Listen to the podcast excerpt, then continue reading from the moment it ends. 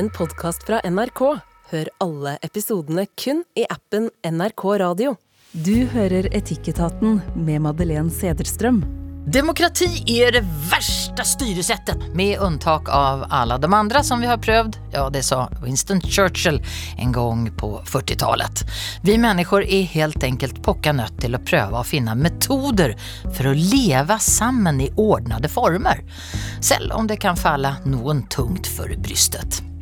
I Etikettaten prøver vi å finne de der grunnleggende verdiene vi må styre oss selv og samfunnet etter helt uten ambisjoner om å gi noen eksakte svar. Kanskje det er det som er så vakkert med oss mennesker. Vi er og forblir ufullkomne, men verdifulle allikevel. Og med det erklærer jeg dagens etatmøte for åpnet. Deltakerne i dag er psykolog Peder Kjøs, leder i Unge Høyre, Ola Svenneby, og leder i Natur og Ungdom, Gina Gylver. Dagens tema blir vi bättre mennesker av å tenke på oss själva?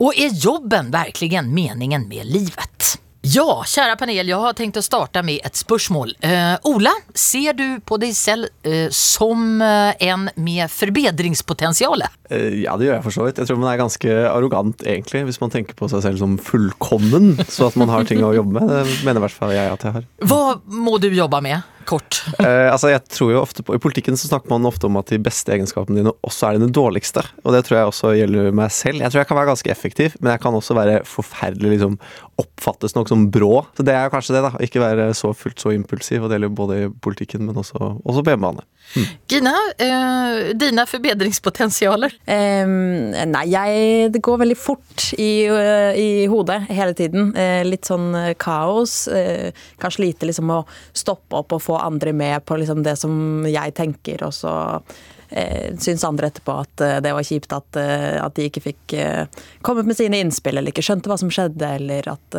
noen avgjørelser kunne vært bedre hvis man hadde stoppet litt opp. Men det gjør også, som Ole var inne på, at det er jo praktisk hvis ting skjer fort, å kunne skjære litt igjennom iblant. Peder, forbedringspotensial hos deg? Ja, jeg tenker vel det at jeg jeg tror at jeg har litt lett for å tenke at jeg sjøl har rett og vet eh, ganske mye og er ganske klok, liksom. Så derfor så er det ikke alltid at jeg liksom lytter så mye til andre som jeg burde.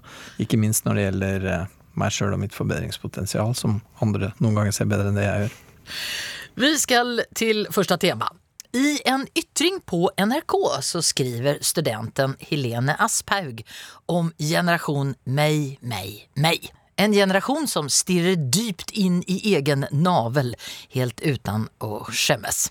Det handler om å se på seg selv som et utviklingsprojekt. utviklingsprosjekt. Vi vil bli den beste versjonen av oss selv. Og da måste vi ta vare på oss. Du må beskytte energien din. Kvitta deg med giftige folk. Men, skriver hun, vi skylder hverandre massevis. Og den eneste måten som vi fungerer sammen på, det er gjennom å skylde hverandre. Ja, hva tenker panelet? Jeg har til å begynne med deg, eh, faktisk, Peder. Eh, det her med å utveckla seg selv, det kom noen gang på 80-talet eller? Nei, det gjorde ikke det. Det kom en gang eh, en god del tusen år før Kristus, egentlig. Det har vært et sånt helt gjennomgående prosjekt i filosofiens historie og menneskenes historie, egentlig. Det med å forbedre seg sjøl. Og, og, det er jo i utgangspunktet et bra prosjekt, det. Men når det lukker seg rundt seg sjøl, at du skal bli Eh, den beste versjonen av deg sjøl. Det er en sånn formulering som jeg ikke liker så godt. Jeg syns den kronikken som du refererer til, den var veldig fin på den måten at den tar opp nettopp det der med det sammenvevde, da. At det å være bra, det er å være godt innvevd med andre folk, liksom. Det er å ta ansvar, innse at du trenger andre, innse at andre trenger deg, og hva det innebærer. Så jeg syns den var fin, jeg. Og så er det klart, hun ser jo da at mange ikke får til det, og at vi har blitt for egoistiske og alt det der. Og det tenker jeg det er også en litt sånn Uh, ja, takk for sist, hyggelig gjensyn. Den, den betenkningen dukker jo opp ofte, og ikke minst på 80-tallet, som du viser til. På 80-tallet, jeg husker det var et sånt det, det var et det var jo en sånn veldig selvsentrert tid. Det kom en bok som het 'Elsk deg selv', som var en sånn internasjonal bestselger. Og så i Norge så fantes det en kort periode et blad som het Jeg. og så etter noen få nummer, tror jeg, så bytta det navn til Jeg og jobben. Ja ok da, jeg må visst ha en jobb også, jeg holder ikke med bare meg. Gina, du har jo et ganske personlig forhold til akkurat denne uh, frågeställningen. Fortell. Um, ja, det var jo nok en del i den, eh, den konkrete artikkelen som jeg verken kjente meg igjen i eller, eller, skjønte helt. Men akkurat det med å avhenge av andre og hvor sårbart og skummelt det er, det, det kjenner jeg jo veldig på. Uh, jeg ser jo på, anser meg selv som et ressurssterkt menneske uh, som klarer meg selv godt og har et nyansert forhold til egne følelser og, og er relativt oppegående. Men da faren min ble syk og døde for to år siden, så knakk alt det sammen. Eh, og da var jeg liksom Jeg, jeg fungerte ikke på egen hånd. Jeg var, var 100% avhengig av mine nær, få nærmeste venner. Det var de som sørget for at jeg spiste, at jeg kom meg opp. at jeg, Det var de som tok telefonen når noen ringte, la inn autosvar på e-posten min. Altså jeg gjorde alt for at livet skulle fungere. Og det var jo helt fantastisk. Og så kjente jeg mye på i ettertid at jeg hadde en slags gjeld. Eller sånn at det var et, et regnskap i ubalanse. Eh, at jeg nå måtte gjøre et eller annet crazy for disse flotte folka for å bevise og gi tilbake. Og for at vi skulle være litt likestilte i, i den relasjonen igjen. Og det har jeg måttet jobbe med i ettertid. Det å ikke tenke på vennskap som et regnskap. Og at det er greit at denne gangen var det meg. Eh, og det kommer til å fortsette å være det en god stund eh, i de relasjonene. Og så kanskje snur det, og kanskje gjør det ikke det, men det det er uansett ikke sånn man skal tenke på et vennskap, da. Mm. Ola, du eh, fikk en, en liten sånn eh, aha-opplevelse når du flyttet til til USA og, og var der og träffade gamle kamrater som har blitt kjempekristne. Ja. Uh, ja, fortell litt om det. Nei, det, var ikke, det var ikke min kamerat, men det var en, en kamerat av min daværende stefar da vi var i USA i 2010. Så det var jo rett etter finanskrisen, og det var liksom åpenbart at, eh, at eh, konsekvensene etter den satt veldig tungt i, og på en helt annen måte i USA enn det det gjorde i, i Norge.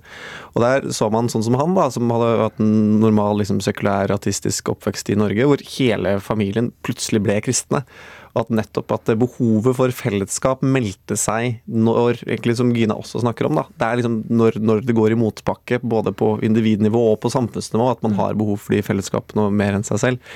Og jeg tror kanskje, jeg leste også den kronikken, og jeg, jeg har liksom delt om jeg er enig eller ikke. fordi på den ene siden så eh, er jeg helt enig i at jeg syns det er litt sånn mangel på bedre ord, cringe. Sånn kleint å høre all den der måten man skal liksom evaluere seg selv. Det er nesten sånn at jeg tror at du blir et dårligere menneske av å gjøre det, fordi du går helt glipp av de andre nyansene i livet. Og det kan også være tilfeller i livet hvor uh, ditt eget isolerte beste ikke er det beste for fellesskapet. Uh, men på den andre siden så tror jeg altså det kan fortelle oss noe litt om samfunnsutviklingen, kanskje. da. At hvis vi nå har en generasjon som har en del utfordringer som vi vet de har, som har eh, kanskje risikerer å bli den første generasjonen på lenge som får færre muligheter enn foreldrene sine. At eh, det først og fremst denne selvransakelsen egentlig er en reaksjon på det. At man mangler det fellesskapet, rett og slett, og da ser innover istedenfor å se utover på en eller annen måte. Mm. Um, og jeg tror vi har merka i særlig den skolevalgkampen nå, da, hvor, hvor tidligere kanskje man har um, for å se på det positive, tidligere kanskje har snakket veldig ned dagens unge. En del har opplevd at de liksom har blitt pålagt liksom at de skal ha dårlig psykisk helse, eller at de skal være, eh, ha en del utfordringer som de eh, kanskje ikke har følt på selv, hvor du nå har fått en motreaksjon. Som nettopp handler om den der, eh, at man skal selvransakelse, men som egentlig bare handler om å ta ansvar for eget liv. Og Hvis det er måten man driver selvransakelse på, så er jo det positivt. Og det er jo egentlig den litt Jordan Peterson har snakket mye om, og, og særlig tror som jeg tror gir litt resonans blant eh, en del gutter, i hvert fall. Det handler om hva målet er med selvransakelsen, eller? Ja, altså jeg syns ehm, Jeg tror kanskje jeg syns det. Jeg, synes det er, eh, jeg, jeg, tror du, jeg, tror man gjør en feil hvis man tenker at målet til et lykkelig liv er å stirre mest mulig i egen navl og finne ut hvordan du kan bli den beste versjonen av deg selv, helt isolert fra samfunnet rundt deg.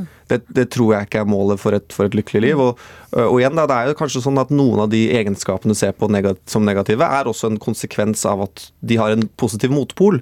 Og hvis du da sliper bort den negative motpolen, kanskje det da også går utover det positive. Det var jo som Gine og jeg snakket om, vi, litt, vi hadde jo samme forbedringspotensial. Hvis jeg jobber veldig mye med å bli liksom rausere og inkluderende i prosesser da, i, i, jobben min, kan det også gjøre at det går utover de positive egenskapene mine? Ved at jeg kan være direkte, at jeg kan ta beslutninger fort, og at jeg kan fungere godt i kriser. Men hvis folk føler da at um, f.eks. dette snakket om psykisk helse, hvis, hvis det er liksom en bevegelse at man tenker at man skal ta ansvar for eget liv, og ta ansvar for uh, at gutta gjør det bra i skolen, så tenker jeg på det som positivt. Jeg syns jo det er eh, at det også er spennende å snakke om denne, eh, dette unges, unges, fokus på eh, å gjøre det bra selv og ha det bra osv. Og, så eh, og at det kan være positivt og negativt. Men jeg flyktet jo veldig fra det da jeg var tolv år og startet i Natur og Ungdom. Og det er jo det jeg i ettertid har sett at var det viktigste og beste valget i mitt liv. Mm.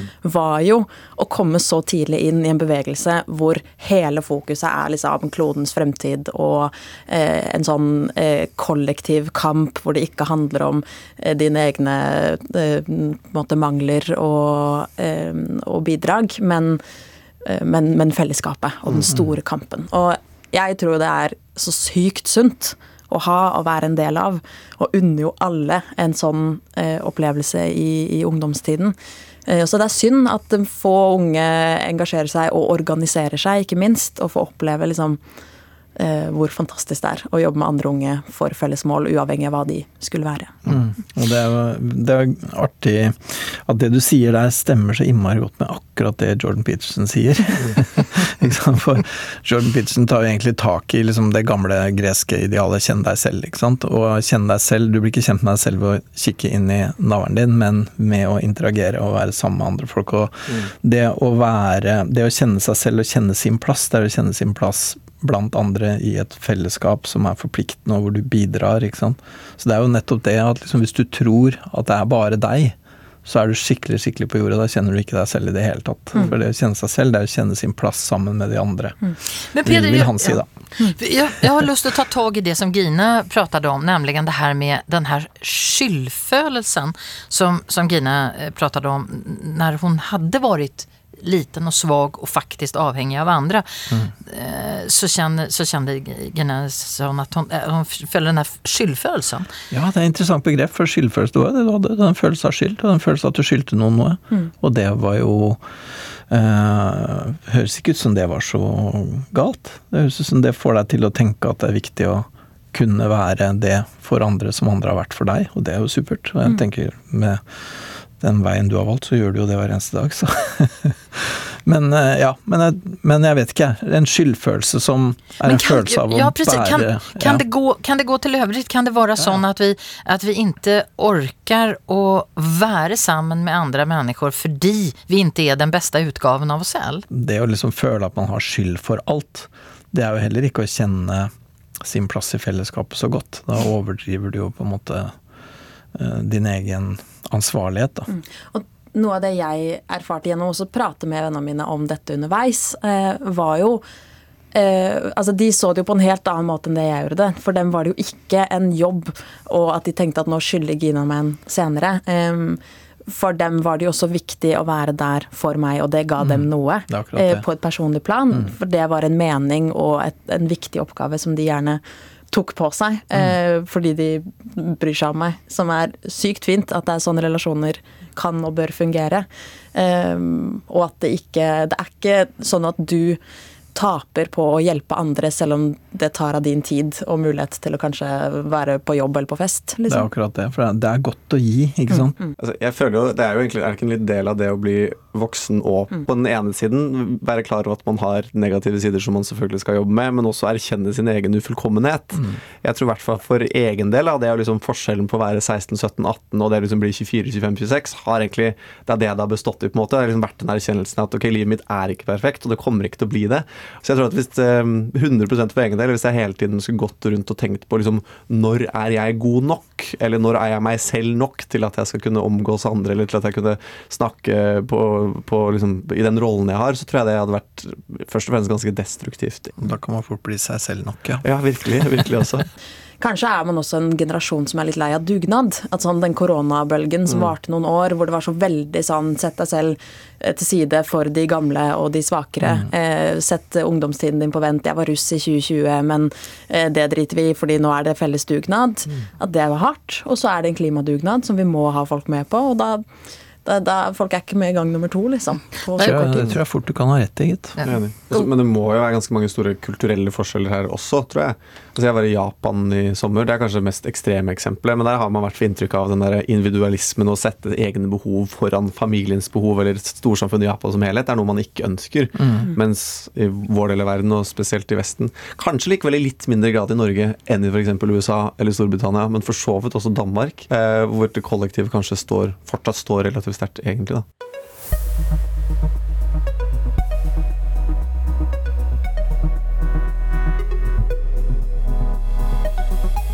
Vi ska få med oss lytterkommentaren och Alexandra har skrivit in till etikettaten kröllalfa nrk.no.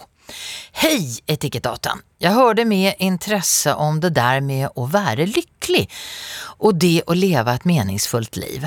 Galvan Mehidi som var gjest i programmet fortalte at han følte på en enorm uro da han egentlig skulle vært som mest lykkelig, nemlig når han hadde hele familien samlet rundt seg. Det her tror jeg har å gjøre med hvordan vi lever i dag, mye mer isolert fra våre nærmeste nå enn før. For før levde vi nær flokken vår, oftast hele livet. Jeg tror denne uron er en slags separasjonsangst. Tusen takk for innspill, Alexandra, og kom gjerne med kommentarer og eh, temaer som vi kan behandle her i Etikettaten. Og da skriver du altså til etikettaten krøllalfa nrk.no.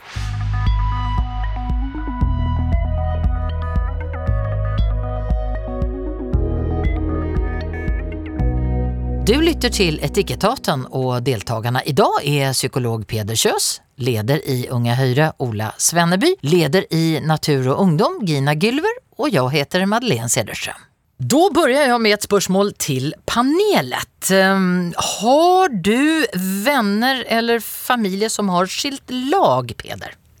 Uh, ja. Gikk det bra? Det er mm, Det kommer litt an på. Det går aldri helt bra, det. Men, men eh, noen ganger så er det nødvendig. Ola, Ja, jeg har skilte, skilte foreldre. har det gått bra? Altså, det er, jeg synes det er litt, Man føler jo alltid liksom forpliktelse som skilsmissebarn til å si at det gikk fint. Men jeg tror ikke man skal undervurdere at sånn, for barn så er det alltid ubehagelig når man får store forandringer i en familielivet, egentlig uavhengig av hva. Eh, og jeg tror det er liksom påfallende når man snakker med andre skilsmissebarn, snakker med barn som har foreldre som har bodd sammen, så oppdager man at man har litt sånn forskjellige referansepunkter. Julen, f.eks. Opp, Veldig ofte at skilsmissebarn syns det er liksom slitsomt. For det er liksom Er det tredje eller fjerde juledag man skal bytte? Eh, Hvem skal man være med på hvilket tidspunkt? Mens eh, barn som er oppvokst i hvert fall fredelige familier, da, eh, som ikke har skilt seg, har litt annet forhold til det. Gina? Nei. Eh, ikke egentlig. Eh, jeg har jo venner som har slått opp med kjærestene sine, liksom. Men da har det jo Det er den ene jeg kjenner. Eh, så det har ikke vært så problematisk. Og ikke nær familie som har, som har skilt seg heller. Vi har fått en mail från Barbro som skriver så här. Hej, jag har ett vennepar som har skilt lag. Begge to har varit mina vänner, men nu snackar den ena väldigt styggt om den andra. Hen har försovit kanske goda grunder, för hen ble, som jag så det, illa behandlat av den andra. Jag vill gärna vara vän med den begge to, men jag vet inte vems sida jag ska stille mig på og om jeg må ta stilling. Jeg skjønner begges behov av å svartmale den andre, men det er utfordrende å deale med, syns jeg. Ja, kjære panel, skulle vi forby det å snakke nedsettende om eh, eksen til eksempel, Gina? Nei, det, det syns jeg ikke. Eh, jeg tror det er sunt å snakke litt dritt iblant når man kommer ut av et forhold. Det er sykt kjipt som regel med brudd. Eh, masse som skal prosesseres. Eh, masse eh, på en måte eksempler hvor du har blitt dårlig behandla, eller, eh, eller ting du har holdt ut med som du kanskje ikke burde ha holdt ut med, osv. Så, videre. så Så jeg tror man trenger å, å få ting ut av systemet. Eh, men å gjøre det til en felles venn er jo litt eh, kjipt. Ja. Ola, eh, ja, skal, man, skal vi forby å snakke nedsettende om eksen? Eh, ikke forbi, og jeg er jo for så vidt enig med Gina at jeg tror at eh, ofte så er rollen din som venn å bare være til stede og la den andre kunne liksom snakke om sine følelser og hva de mener om det ene og det andre. Men jeg merker bare at jeg blir veldig veldig fanget av hvordan jeg fungerer i de tilfellene selv. Og det er at det er aldri noen som kommer til meg for å bare snakke om ting. For jeg har ganske lav tålmodighet for det. Jeg blir liksom en gang det mennesket som går på løsninger og hva jeg vil at den andre skal gjøre. Og hvis den ikke lytter til det, så blir jeg nesten litt sånn irritabel, liksom, fordi at tålmodigheten min er veldig veldig lav. Og så jeg, tror jeg må bare innse at uh, det heller er ikke spesielt uh, fruktbart. Og jeg tror det er den derre den viktigste rollen som venn er vel antageligvis den balansegangen mellom å få kunne utblåse nok, snakke seg gjennom situasjonen, samtidig som at man også har et ansvar um, for at uh, det er destruktivt for en person å utelukkende bruke tid og energi på mm. noen andre. Uh, så den, det er kanskje det som er rollen din, tror jeg. Peder, du, eh, du må jo ha kommet i kontakt med ungefär 8363 sånne her tilfeller. Så, eh, så nå får du plukke fram filosofen i deg. ja, ja, ja, jeg gjorde jo eh, Ja, doktorgraden min handla om kommunikasjon, for å kalle det det, etter samlivsbrudd. og det er jo stort sett da, så er det jo ikke veldig konstruktivt å drive og snakke snakke negativt om eller snakke dårlig om. Men eh, man må kunne snakke sant om. sånn at hvis det på en måte har vært ting som har vært ugreit, som har vært vanskelig, så må det være lov å, å snakke om det og si det. Og det er ikke å snakke negativt, det er å snakke sant, liksom. Men de der sånn kjempenegative um, uh, litt sånn utblåsningene av bare negativ affekt, liksom.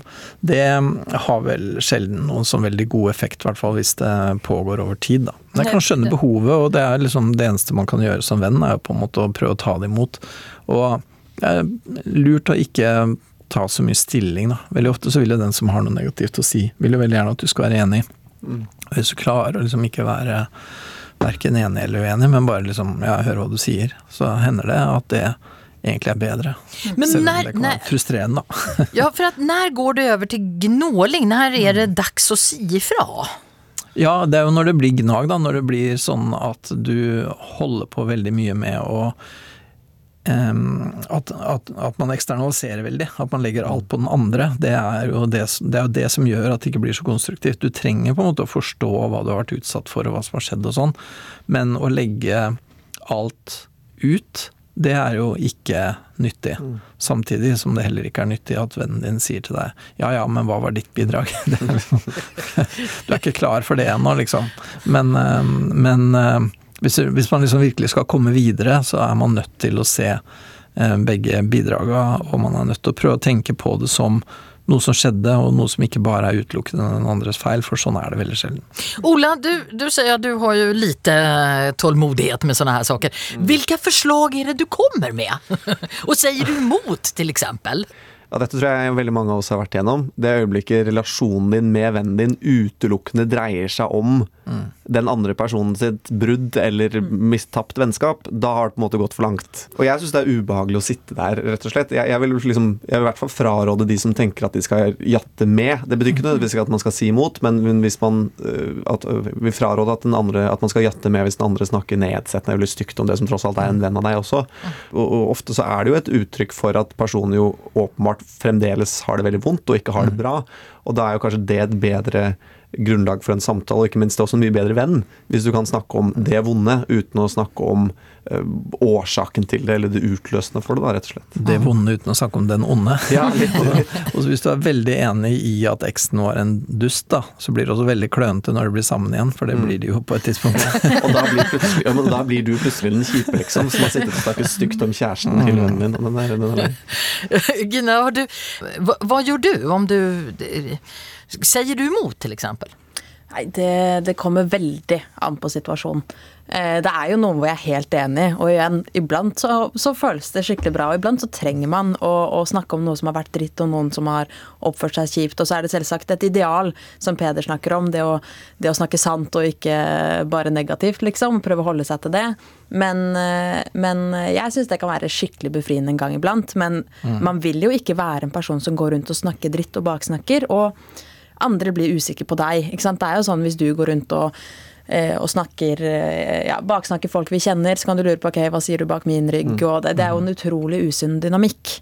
Eh, så jeg håper jo at jeg klarer å være en person som også iblant setter grenser, eh, er den som eh, eh, ja, som, som, kan være litt løsningsorientert i, i, en sånn relasjon. At det handler om å iblant tenke på andre ting, komme seg ut, utvide eh, på en måte Få et sosialt liv igjen som kanskje har rakna mens du var i et vondt brudd. Eh, plukke opp noen interesser. altså Den type 'la oss fikse livet litt' eh, er en rolle jeg syns er mye mer givende. Kom, komme seg på Tinder? Ja, ja, ja. ja. Laste ned Hinge er visst den nye appen. Oh, ja, okay. ikke sant? Mye bedre enn Tinder, visstnok. Så sånne ting. Mye morsommere for, for alle. Den, det må du fortelle oss bitte litt om. Hinge, det, det, var et helt nytt begrep. Ja, nå har jeg det ikke selv, jeg har kjæreste, så det har jeg Men, men jeg syns det er veldig gøy. Det er ikke alltid helt utelukkende. Nei, men jeg syns det er veldig gøy å sveipe på andres profiler. Så poenget med denne appen er jo at du forteller litt mer enn med Tinder. At med Tinder er det jo bare det, Du får utrolig lite info, og derfor er det veldig vanskelig å finne en god match. Du bruker veldig mye tid. Og du forhåndsdømmer alle du ser, fordi du synes det er et eller annet som er teit der, og du har så lite å gå etter at da blir det avgjørende. Ja. Mens på denne appen er liksom det er mye, Du får rett og slett mye mer info og skal få et bedre inntrykk av personen. Du har veldig få eh, sånne sveiper i løpet av en dag, så du må tenke mye mer nøye over eh, hvem, du, hvem, du, ønsker å starte noe, ja, en, en samtale med. Liksom. Det er en kvote, ah. så da blir det mye mer verdifullt, og du må bruke mer tid per person.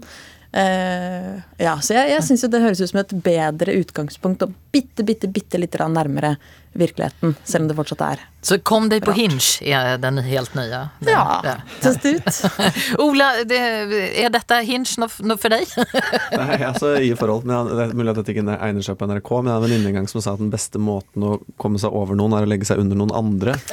Det er jo for så vidt eh, kanskje litt mer ekstrem forlengelse av det Gina snakker om, nettopp da å bistå i å få den andre liksom opp på beina igjen. Og Det er jo kanskje det fineste man kan gjøre for en venn også. Og Det er jo litt sånn det ansvaret du har. Og så er det viktig at man liksom ikke er for direkte og lar den andre liksom, ha forståelse for situasjonen den andre står i. Mm. Men det er jo kanskje også da faktisk nettopp i de situasjonene at du også har et ansvar for å være mer, kall det gjerne rasjonell, da, når man ikke kan forvente at den andre skal være det. Peder, hva sier vi til Barbro? Uh, hva, hva, skal hun gjøre? hva hun spurte om, ja. det, det, det, altså, må jo, hun ta stilling? Eh, nei, hun må ikke ta stilling, men hun å høre, og så må på en måte Det går an å bekrefte ting som du føler at er riktig, da, ikke sant. Men hvis det bare er en bøtte med gjørme, liksom, så er det lite konstruktivt. For det den andre egentlig trenger, er eh, en form for emosjonsregulering. Trenger liksom både å bli litt validert og litt korrigert.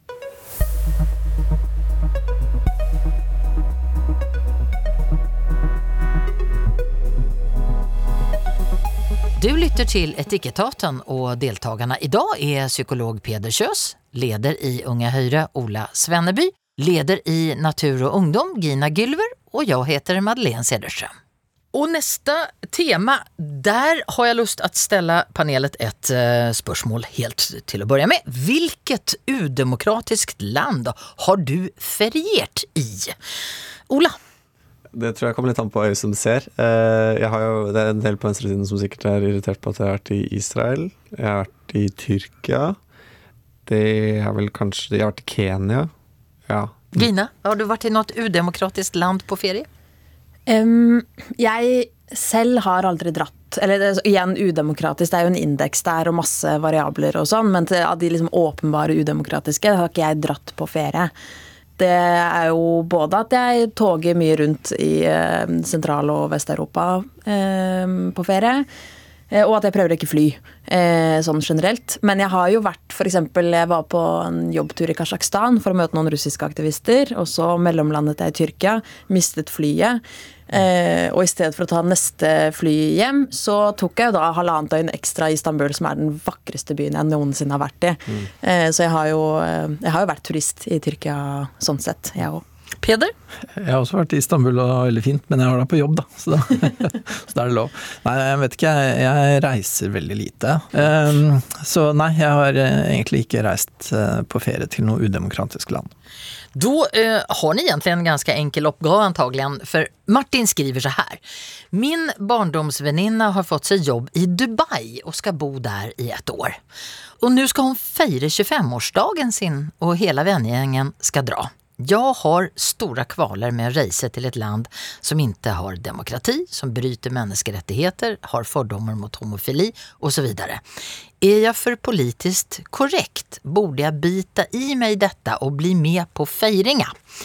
Skal vi bare välja reisemål utifrån vad som er etiskt riktig? Ola? Uh, jeg mener det på det egentlig er nei, tror jeg. Og så tror jeg altså, sant, gang, Dubai er veldig ofte en, eh, en, en det landet, eller Forente arabiske emirater er ofte land som kommer opp som, som, et eksempel på dette. Egentlig det eneste eksempelet. Og det tror jeg rent sånn, hva skal jeg si, politisk nesten, illustrerer egentlig det som er litt av problemet. Er at Det er veldig mange som har et problem at du drar til Dubai, men å dra til Kina hvis du drar dit for å se på Den himmelske freds plass, eller drar til Shanghai for å liksom bli bedre kjent med, med kineserne og Kina, så er det, er det, få som oppfatter det som like kontroversielt. Så jeg tror det bærer litt preg av hva slags syn vi har på en del kultursfærer, for jeg er helt ærlig. Eh, det er det ene. Og det andre er at for meg så er nok formålet med turen viktigere enn hvor du nødvendigvis drar. Hvis formålet ditt er å være influenser til Forente arabiske emirater f.eks., og du er betalt på en måte som en eller annen vei kan knyttes til regimet, så mener jeg det er uetisk, og det burde du la være.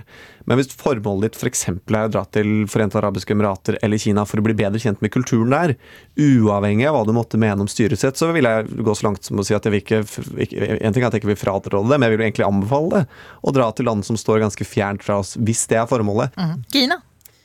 Ja, jeg er nok på langt vei enig med Ola det at formålet er viktig, hvordan du reiser. At, og, og, men også sånn, jeg ville følt meg som en brikke i noen spill hvis mm. jeg dro til Dubai. Fordi vi hører så mye om og vet, så mye at, eller vet godt at en viktig strategi for dem er å få turister og kjendiser til å komme og på en måte legitimere dem som reisemål og land og osv. Og så mener jo jeg uavhengig av det på en måte at uh, å fly på en bursdagshelg det er et etisk uh, dilemma i utgangspunktet. Mm. Og kanskje lander du på at det er viktig for vennen din uh, den ene gangen, men, men, problemet starter allerede der for min del, da. Mm. Men jeg, jeg ville ikke sagt at man ikke kan reise til noen land som sliter med demokratiindeksen sin. Mm. Det tror jeg også er viktig at man gjør. Men der også bare anerkjenne at vi er latterlig privilegerte, som kan bare velge et reisemål rundt hele kloden, og så kan ganske mange i Norge bare dra dit fordi man har midlene og muligheten og ikke risikere noe stort fordi du reiser med et norsk pass i lomma. Jeg tenker det er ganske mange land du, du også bør avstå fra hva reiser du kan klare deg uten. Men jeg syns også man egentlig har kommet ganske langt til at man helt tatt stiller seg de spørsmålene før man drar. Mm. Og at man da åpenbart har den bevisstheten av hvordan regimet i Dubai og Forente arabiske emirater faktisk fungerer. da. Ja, absolutt. Det er noe av det jeg syns er aller mest viktig. Jeg har veldig mange venner som flyr overalt hele tiden, f.eks. Um, og både så kan jeg ikke være den som liksom kommer pekefingeren og sier nei, ikke dra, men også iblant har man gode grunner. Men det viktigste er at det skal være en vurdering. Mm. Uh, at, du, at du faktisk tenker på det i forkant forkant, veier litt for og imot, vet at uh, dette har store klimagassutslipp, og dette er kanskje ikke et land jeg bør dra til, osv., osv., da er den viktigste delen av jobben gjort, mm. i hvert fall. Peder? Først da, Det er jo en etisk relevant problemstilling. Vi må ta etisk stilling til en eh, sånn ting som det å reise, liksom. Eh, og det er mange etiske hensyn der. Det ene er jo liksom utslipp og sånn. Det er superdekadent å reise halve jordkloden rundt for en helg, liksom. Det, det, er, ja, det er en kjempebelastning for kloden målt mot en veldig liten verdi, egentlig. Men den andre tingen der, når det gjelder det med støtte til regimer og sånn, så er det jo det kommer inn et sånt element av liksom en slags sinnelagsetikk der, eh, som blir litt sånn at hvis du bare har tenkt over det, hvis du bare er bevisst det, da er det greit. Og det, det er det jo ikke. Du, du, må på en måte være bevisst, og så må handlingen din gjenspeile den bevisstheten. Da. Og der tenker jeg at noe av det som er målestokken der, er jo hvorvidt reisen øh, Hvis det blir en slags støtte til regimet, da. For det er jo stor forskjell på å dra til Kina eller et eller annet for liksom å dra på og gjøre en reportasje, eller på en måte prøve å få kontakt med de som ikke har det så bra der, og rapportere hjem, eller et eller annet sånt. Mm. Uh, og det å dra bare for å liksom uh, sole seg. Det, mm. det, det, er veldig stor forskjell. Mm.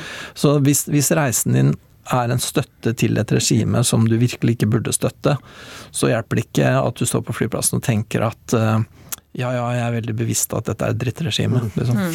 Jeg har jo eh, på en måte også litt for min egen del for Jeg liker veldig sånn, jeg liker prinsipper. Klare grenser som gjør det litt lettere å ta valg, selv om det kanskje blir en litt sort-hvitt virkelighet iblant. Men eh, eksempel, jeg flyr ikke på ferie. Veldig klar linje for min del, og det ville gjort at nettopp skulle jeg dratt eh, langt av gårde til et eh, potensielt litt kjipere land, så hadde det nettopp måttet være for å ha et prosjekt, for å gjøre noe, noe jeg kan kalle nyttig, i hvert fall. Men jeg tror også det å lage seg noen sånne regler gjør det lettere å leve. At du ikke alltid må ta de der vurderingene hele tiden og prøve å finne unnskyldninger for deg selv.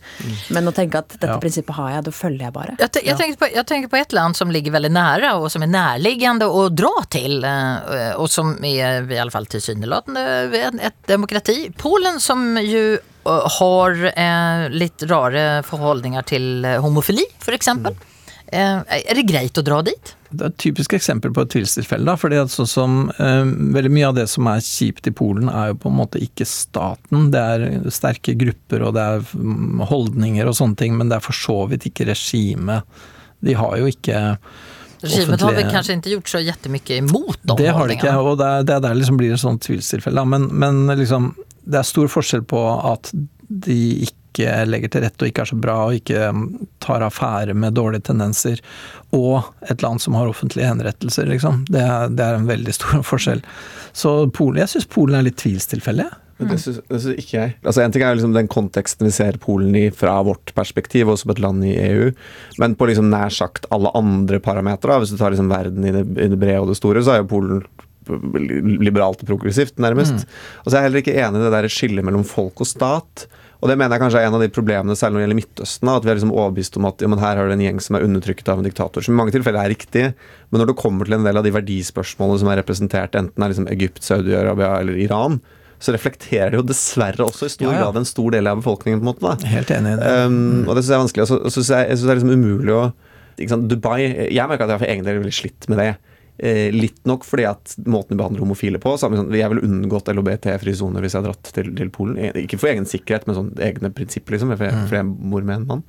Men samtidig så er jeg en kompis som har vært i Nord-Korea. Det, det er det regimet som arrangerer. Det er regimet du betaler til, og du må ha en regime eh, turistguide hele tiden. Og jeg syns ikke det var Alarmen gikk liksom ikke hos meg, for det var et eller annet med at formålet med å dra til Nord-Korea er på en måte å se landet med egne øyne. Eh, Og se hvor liksom absurd det faktisk er der. da Mm. Så jeg, Det er det jeg sliter med. At sånn, det er veldig mange land jeg har mye å utsette på. Det er veldig mange land jeg ikke nødvendigvis ønsker å aktivt bidra til noe.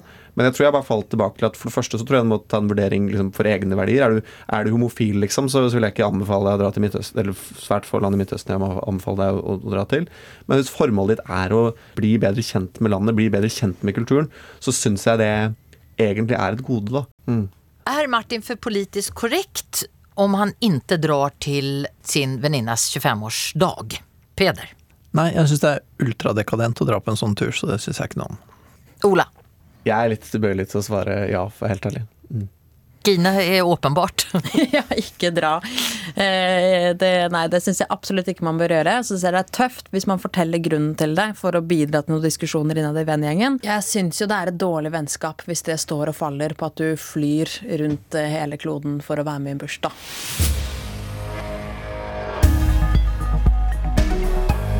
Du lytter til Etikettaten og deltakerne i dag er psykolog Peder Kjøs, leder i Unge Høyre Ola Svenneby, leder i Natur och ungdom Gina Gylver och jag heter Madeleine Cederström. Och jag börjar detta eh, dilemmat och detta temat med ett spörsmål till panelet. Ola, drömmer du om ferie? Ja, hele tiden. Gleder meg til pensjonisttilværelsen. Du vill gärna ha längre ferie? er ikke lenge ferie. Altså, jeg vet jo, For min egen psykiske helse er det antageligvis bra å føle, at, føle at man er til nytte. Men jeg elsker å ikke ha noe å gjøre og bare sose hjemme i leiligheten og lese bok og gå tur med kjæresten min og egentlig ikke ha noe mye annet i, annet i for. Mm. Gina, lengter du efter ferie? Eh, Akkurat nå intenst. veldig. Eh, Men jeg vet alltid at når ferien kommer, så går jeg veldig fort lei. Jeg blir veldig rastløs. Eh, Jeg hater å kjede meg. Peder? Ja, nei, jeg er litt på det samme. Jeg lengter ikke så fælt etter ferie, egentlig. Altså. Jeg syns det kan være deilig, men jeg, egentlig liker jeg hverdagen veldig godt. Ingen på dødsleiet sier at de angrer på at de var for lite på jobb. Og samtidig så sier vi jo at roten til all ondt er lediggang. arbetslinjen er nesten religion i välfärdsstaten. I en film som har premiär i eh, oktober så belyses vad vi är utan jobben. Filmen heter After Work, av Erik Gandini. Och I den här filmen så tar man utgångspunkt ifrån att många av dagens jobber kommer att försvinna ehm, och att man kommer att möta ett hav av fritid. Ja, kära panel, är detta en drömmetillvärelse som vi inte kan komma fort nog till, Ola? Altså, det er lett å instinktivt for meg tenke at svaret på det er ja. Men samtidig så vet vi jo at eh, spesielt for menn f.eks., at når de går av med pensjon, så kan man se et fall i livsglede, nettopp fordi at veldig mye av menneskeheten egentlig kommer jo av følelsen å føle at man er til nytte. Eh, At man har noe å stå opp for. Um, så er jo ikke at man ikke har liksom fast arbeid ensbetydende at man, man ikke har den følelsen, men jeg tror at på liksom samfunnsnivå, da, hvis, det, hvis man fjerner det å, å ha et arbeid, ha rutiner, så tror jeg at eh, det ikke ville vært spesielt produktivt. Verken for samfunnet og, og heller ikke for liksom, gjennomsnittsindividet i, Mm. i Norge. Eh, Peder? Ja, jeg er veldig enig i det. Vi trenger å være produktive og gjøre noen ting og bruke evnene våre og utfolde oss, liksom. Og så en annen ting som er eh, kanskje litt mørkere da, er at liksom hvis det blir sånn at mye arbeid blir overflødig, og du blir overflødig pga. at kapitalistene får seg nye maskiner, tror du at de kommer til å gi de pengene til deg da? Det tror ikke jeg. De kommer ikke til å fortsette å betale deg når de ikke trenger deg lenger. Så du får ikke ferie, du får fattigdom og arbeidsløshet. Ola skal få svare på det sen. Men Gina, ja, drømmetilværelse og, og slippe å jobbe og gå på jobb. Nei, på ingen måte. Men jeg tenker jo at er det en jobb som i hvert fall ikke forsvinner med roboter, så er det jo eh, aktivistene. Eh, Den, eh, den, den, den jobben vil man alltid trenge. Så det er Alltid noe å være imot, si. Ja, absolutt. Det er vårt motto. Nei, så det er, ikke noe, det er ikke noe redd for. Og kloden er et gigantisk restaureringsprosjekt, så man trenger Det finnes masse nyttige ting som vi trenger folk til, og som, hvor folk nå bruker tiden sin på andre og kanskje destruktive ting. Men jeg er jo når jeg nettopp selv tenker hvor fælt jeg syns det er med evig ferie, eh, og det å ikke ha noe å gjøre, ikke gjøre noe som føles viktig, eh, så kan jeg jo bare se for meg hvordan samfunnet hadde vært hvis millioner på milliarder av mennesker eh, gikk rundt og hadde sånn.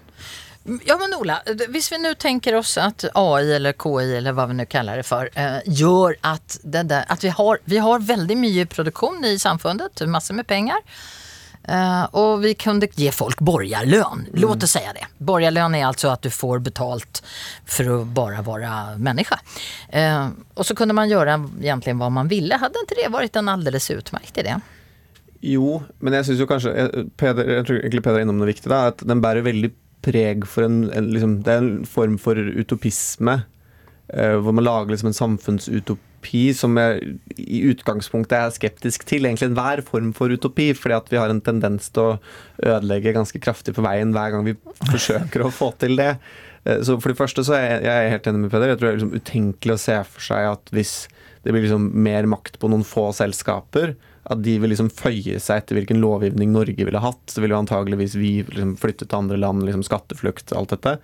Eh, og det andre er at Man kan godt liksom diskutere en form for borgerlønn, men jeg tror det handler vel mer om liksom effektivisering. Eh, at, typ at Nav-systemet ikke skal være så individbasert, at det ikke skal være så mange søknader og avslag, men at man liksom har en, sånn- et slags gulv da, for samfunnet vårt. og Det, det er ikke helt utenkelig å se for seg, men at det skal liksom erstatte arbeid. Eh, For det første så tror jeg ikke det vil funke, og for det andre så tror jeg også at de samfunnskonsekvensene vil bli såpass enorme da, med all den formen for lediggang.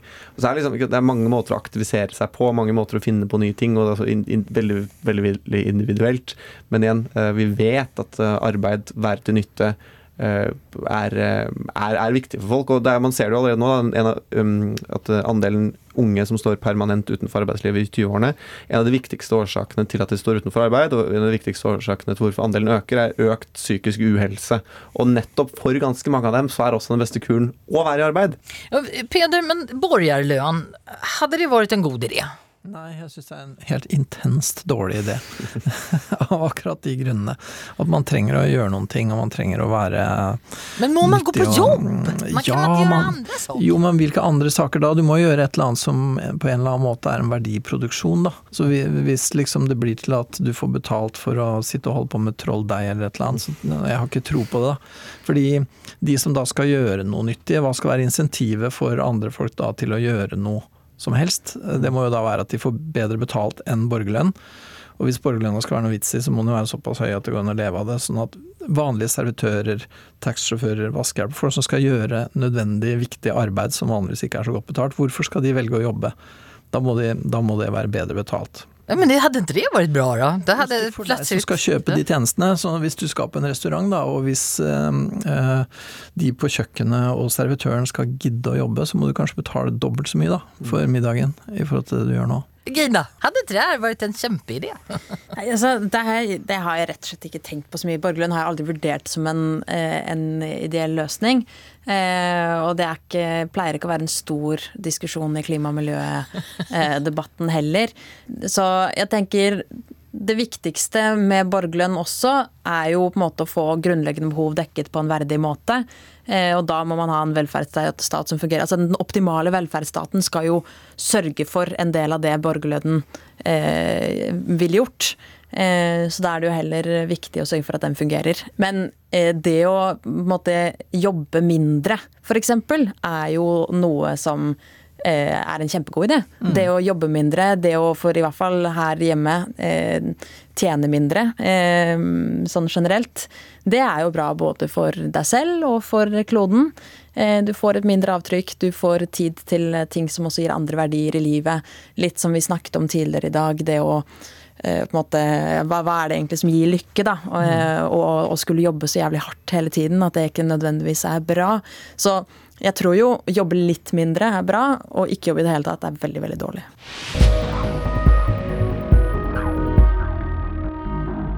Du lytter til Etikettaten, og deltakerne i dag er psykolog Peder Kjøs, leder i Unge Høyre Ola Svenneby, leder i Natur og Ungdom Gina Gylver, og jeg heter Madeleine Cederström. Til panelet, når gjorde du sist noe som ikke var bra for klima? Gina? Eh, det er jo altså, Hele hverdagen i det samfunnet vi lever i, gjør jo at du eh, Vi er en del av et system som bidrar til eh, enorme ødeleggelser. Så når jeg spiser og der jeg bor og eh, sånn jeg reiser Altså bare alt har jo klimagassutslipp. Okay. Men, eh, men jeg liker jo å tenke at jeg i hvert fall eh, er en av de som tar mange bevisste valg i hverdagen og prøver å minimere skadene jeg påfører kloden. Ja, eh, Ola, når gjorde du sist noen ting som ikke var bra for klima? Eh, Jeg var i Japan i sommer, og den flyturen er vel kanskje det som hadde størst største innvirkning, antagelig. Mm. Peder? Ja, spiste avokado i morges. Vi har bak oss et valg som på mange måter ble preget av en slags protest mot klimakampen. Og når lederen i Unga Høyre forklarer Greta Thunberg-generasjonen for død, så er det eh, forklart som et uttrykk for oppgittheten som mange unge føler når de møter kravet om å engasjere seg for miljøspørsmålet, høylytt og aktivistisk. Men kjære panel, eh, er det greit å ikke bry seg om klimaspørsmålet, og har vi alle et personlig ansvar for klimaet? Ola, du får lov å begynne. Takk. Jeg eh, antar at jeg kanskje skal kommentere det med Greta Thunberg først. Det kan du få sagt at jeg tok selvkritikk, og at, ja, at det var litt mer nyansert enn det det framsto på TV. Selv om jeg har ikke noe problem med å forstå at folk forsto meg sånn. Men uh, som det er greit å ikke engasjere seg jeg, altså, Svaret på det syns jeg i utgangspunktet er ja. fordi at det, det å, Jeg tror vi skal være såpass ærlige på at engasjement og det å ha overskudd til det, i utgangspunktet er noe som ikke er likt, likt fordelt. Altså Mennesker har en gitt båndbredde av det vi kan bruke liksom hjernekapasiteten vår på. Og hvis den er fylt med at du ikke har, er usikker på om du har råd til å betale regningene dine, om du står i en livssituasjon hvor du ikke har tid til engasjement, så syns jeg det eh, er litt sånn eh, Nesten litt sånn form for klassehatt på et vis. da, Å komme, liksom en pekefinger at du engasjerer deg ikke for klima. For det er ikke, det er ikke sånn at engasjementet er, er likt, likt fordelt. Så det er det ene.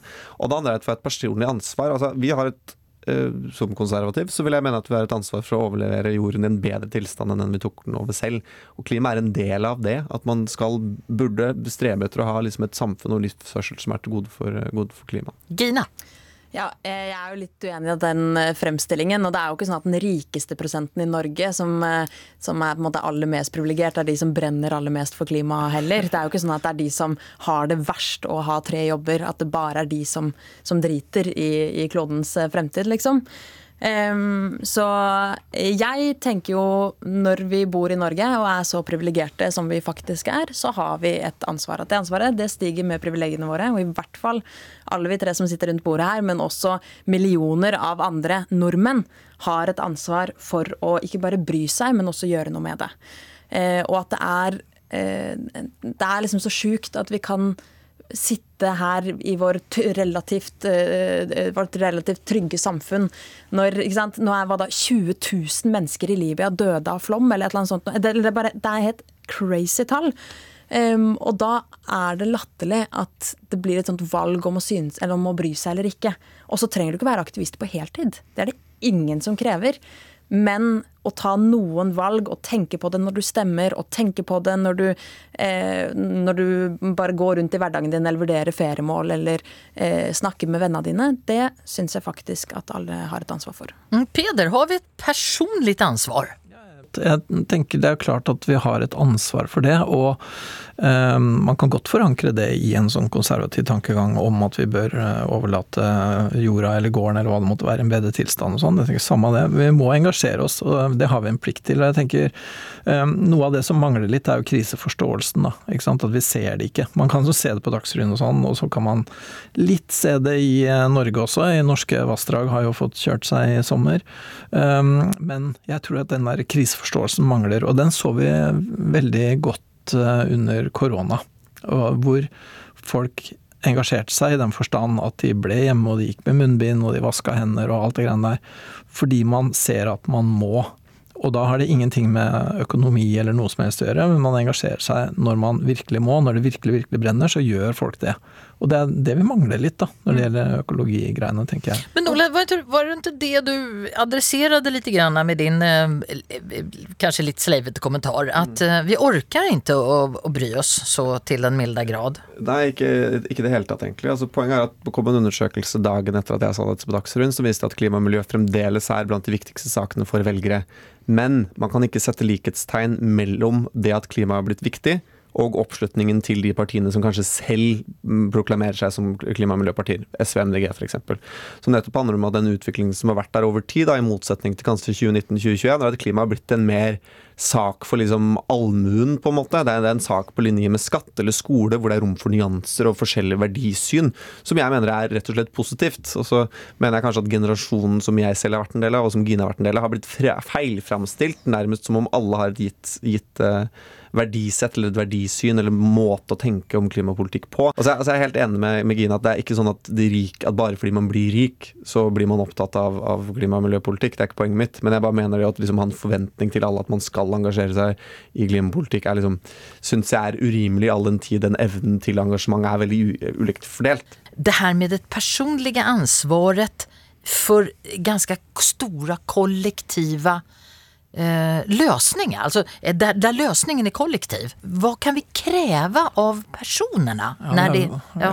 ja, det er jo et veldig godt spørsmål. Um, for, for, jeg er jo helt enig i at man kan man må, Eller kravet da, til den etiske responsen din på en etisk relevant situasjon, den må jo ikke overstige evnen din. Må, det er jo ikke noe poeng å kreve Ehm, en innsats av folk som de ikke har mulighet til å yte i det hele tatt. Men noen ganger så ehm, er det store krav til oss, da. Og det man i hvert fall kan gjøre, er for, for ja, man har et slags etisk ansvar for å prøve så godt man kan å handle eh, noenlunde miljøvennlig i hverdagen. Men det å liksom privatisere det ansvaret kan også føre til en sånn eh, nummenhet og ansvarsløshet også, egentlig. fordi at dette her er jo kollektive eh, jobber. Det her er noe som må gjøres kollektivt. Den enkelte kan gjøre nokså lite, liksom.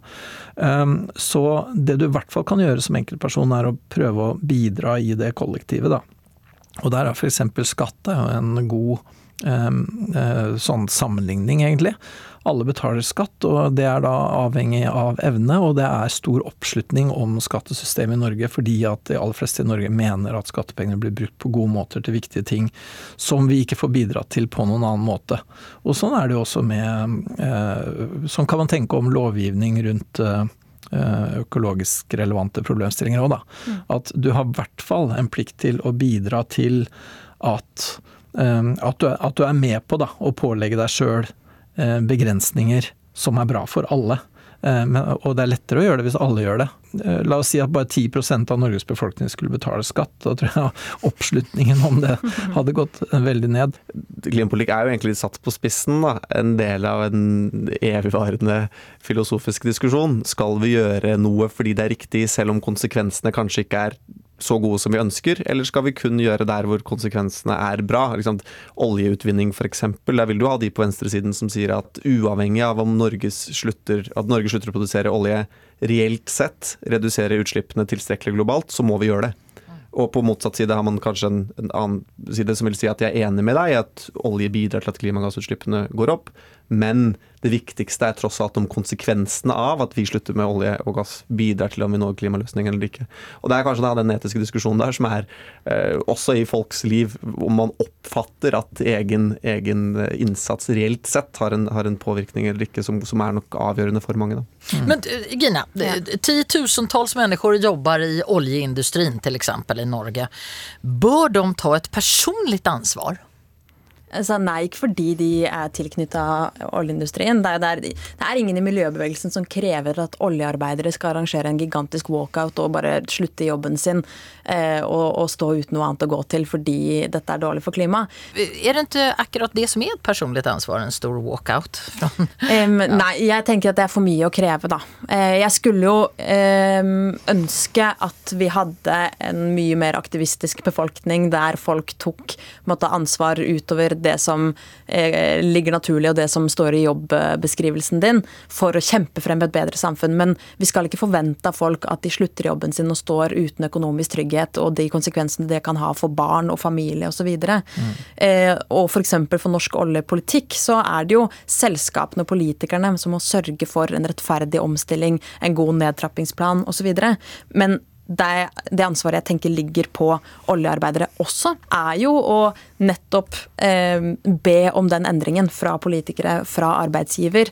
At du ikke bare er liksom passiv brikke i samfunnet, men faktisk bidrar til eh, endring. Um, og det er et ansvar vi har som enkeltindivider. Men jeg mener at de store strukturelle endringene må skje i politikken, ikke ved at alle blir veganere. Men politikken gjør ikke dette på egen hånd. Da trenger man ryggdekning fra et sivilsamfunn som mm. sier at dette her trenger vi. Men du må huske at det var en liten, uvillig hobbit som bar ringen gjennom hele verden og kasta den i flammene. Ja, Da, kjære lytter, håper jeg at du har fått verdifull om en ufullkommen påfyll. Og har du kommentarer eller temaer du vil at vi skal behandle, så skriv til etikettaten krøllalfa nrk.no. Den här och alla de tidigare episoderna av Etikettaten finner du i appen NRK Radio. Deltagarna i dagens etikettat har varit psykolog Peter Kös, ledare i Unge Høyre Ola Svenneby och ledare i Natur och ungdom Gina Gylver. De som gör etikettaten heter Hege Strömsnäs, Hanne Ness Tremon och jag heter Madeleine Cederström.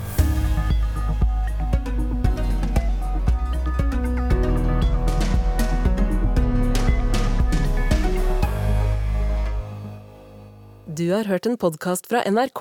Hør alle episodene kun i appen NRK Radio.